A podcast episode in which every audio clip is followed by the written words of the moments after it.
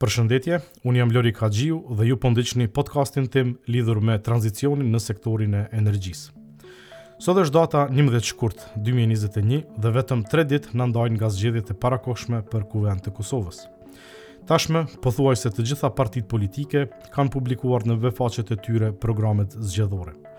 Fokusi i këtij epizodi është tek analiza e programeve zgjedhore për sektorin e energjisë, gjithnjë duke u bazuar në program të shkruar. Programet e publikuara nuk janë standarde, në kuptimin që kemi programe ku fjala energji apo energjia përmendet vetëm një apo dy herë, Kemi programe ku orientimet e sektorit janë të përmbledhura në disa pika dhe kemi programe të cilat në mënyrë narative me tituj dhe numra konkret përshkruajnë dhe propozojnë zgjidhje konkrete. Renditja e partive në vijim bazohet në renditjen e partive sipas rezultateve në zgjedhjet e fundit të vitit 2019. Opinionet në këtë epizod janë të miat personale dhe jam munduar të jem sa më objektiv. Lëvizja Vetëvendosje e që sipas sondazheve pritet të del e para në këto zgjedhje, në programin e saj të shkruar, prioritetet për krejt qytetarët drejt së ardhmes, nuk e trajton fare sektorin e energjisë, apo më mirë të them nuk ka kapitull të veçantë dedikuar këtij sektori jetik për vend.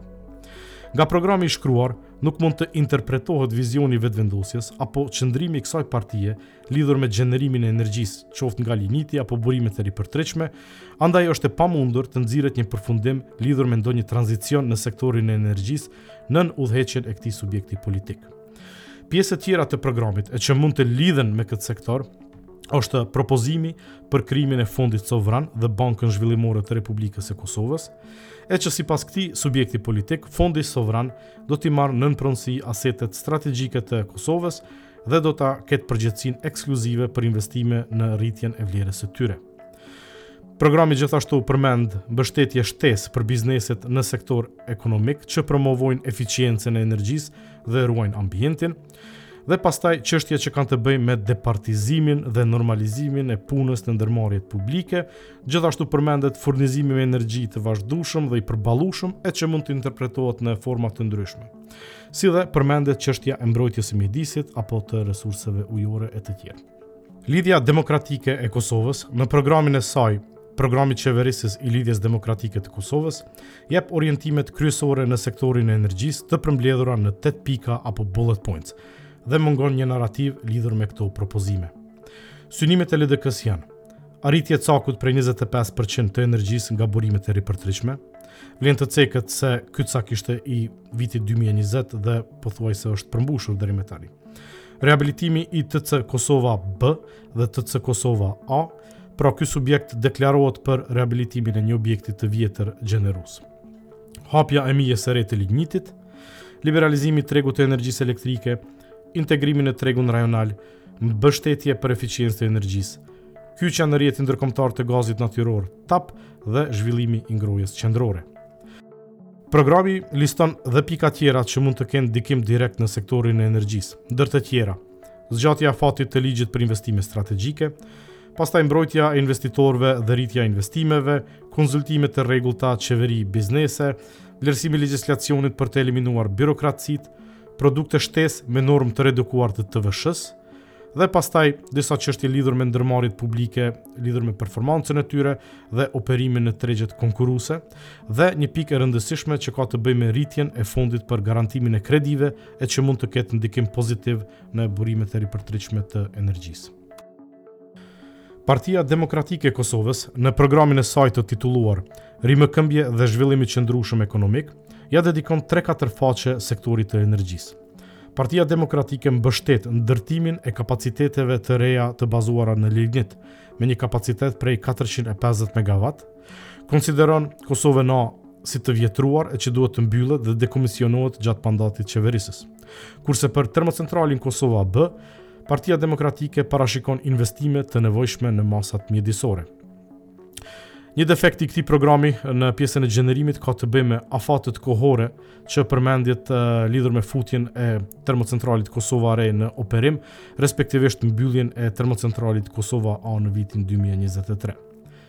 Programi vazhdon me rekomandime lidhur me forcimin e rolit apo kapaciteteve të rregullatorit, Autoritetit të Konkurrencës dhe Zyrës së Ndihmës Shtetërore dhe flet për hapjen apo liberalizimin e segmentit të furnizimit dhe kërkon nga kompanitë e licencuara për furnizim të fillojnë me operim sa më parë.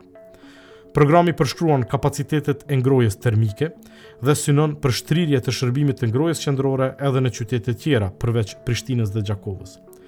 Partia Demokratike parashikon kryerjen e studimeve të fizibilitetit për gasifikimin e Kosovës, përmes dy alternativave të kyçjes në rrjedhat e gazit natyror, përmes Shqipërisë apo Maqedonisë Veriore.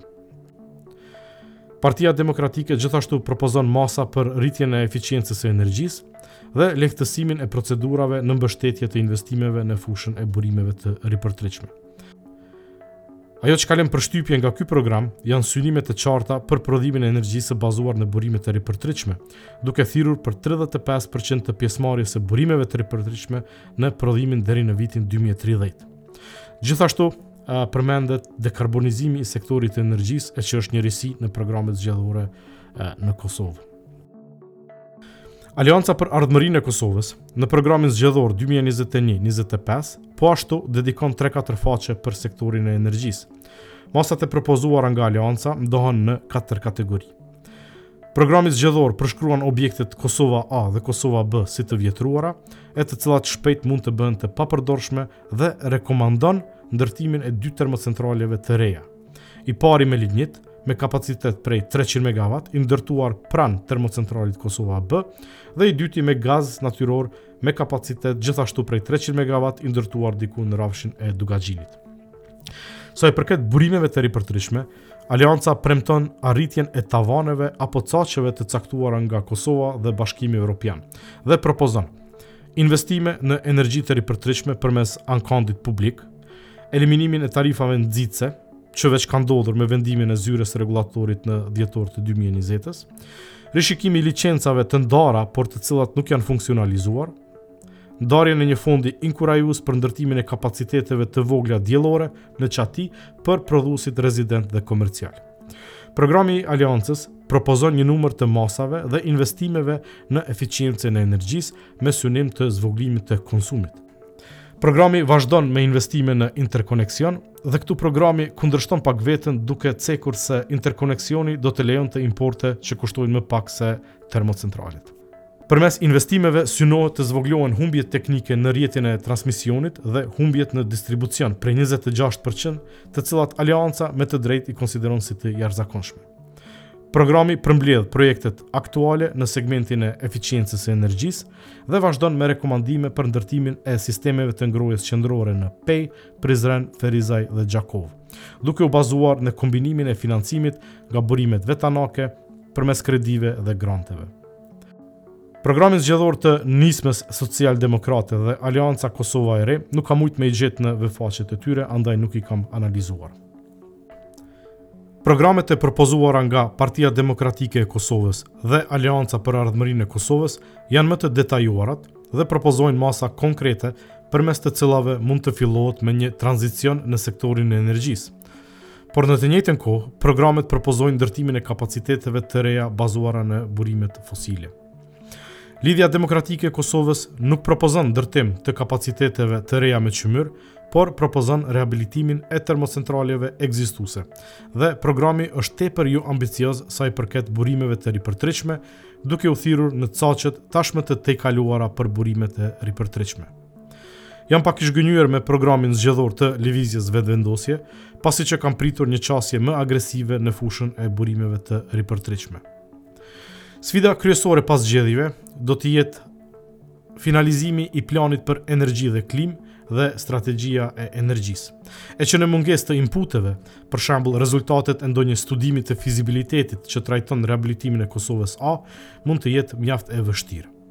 Sfidë do të jetë edhe implementimi i programeve, të cilat kanë qymyrin si komponent bartëse, pasi që mundësitë për financimin e këtyre projekteve janë jashtëzakonisht të limituara. Dhe këto projekte mund të kundërshtohen nga partnerët ndërkombëtarë që tashmë veç kanë deklaruar pozicionin e tyre kundër projekteve nga qymyri. Ju faleminderit për durimin, me fat.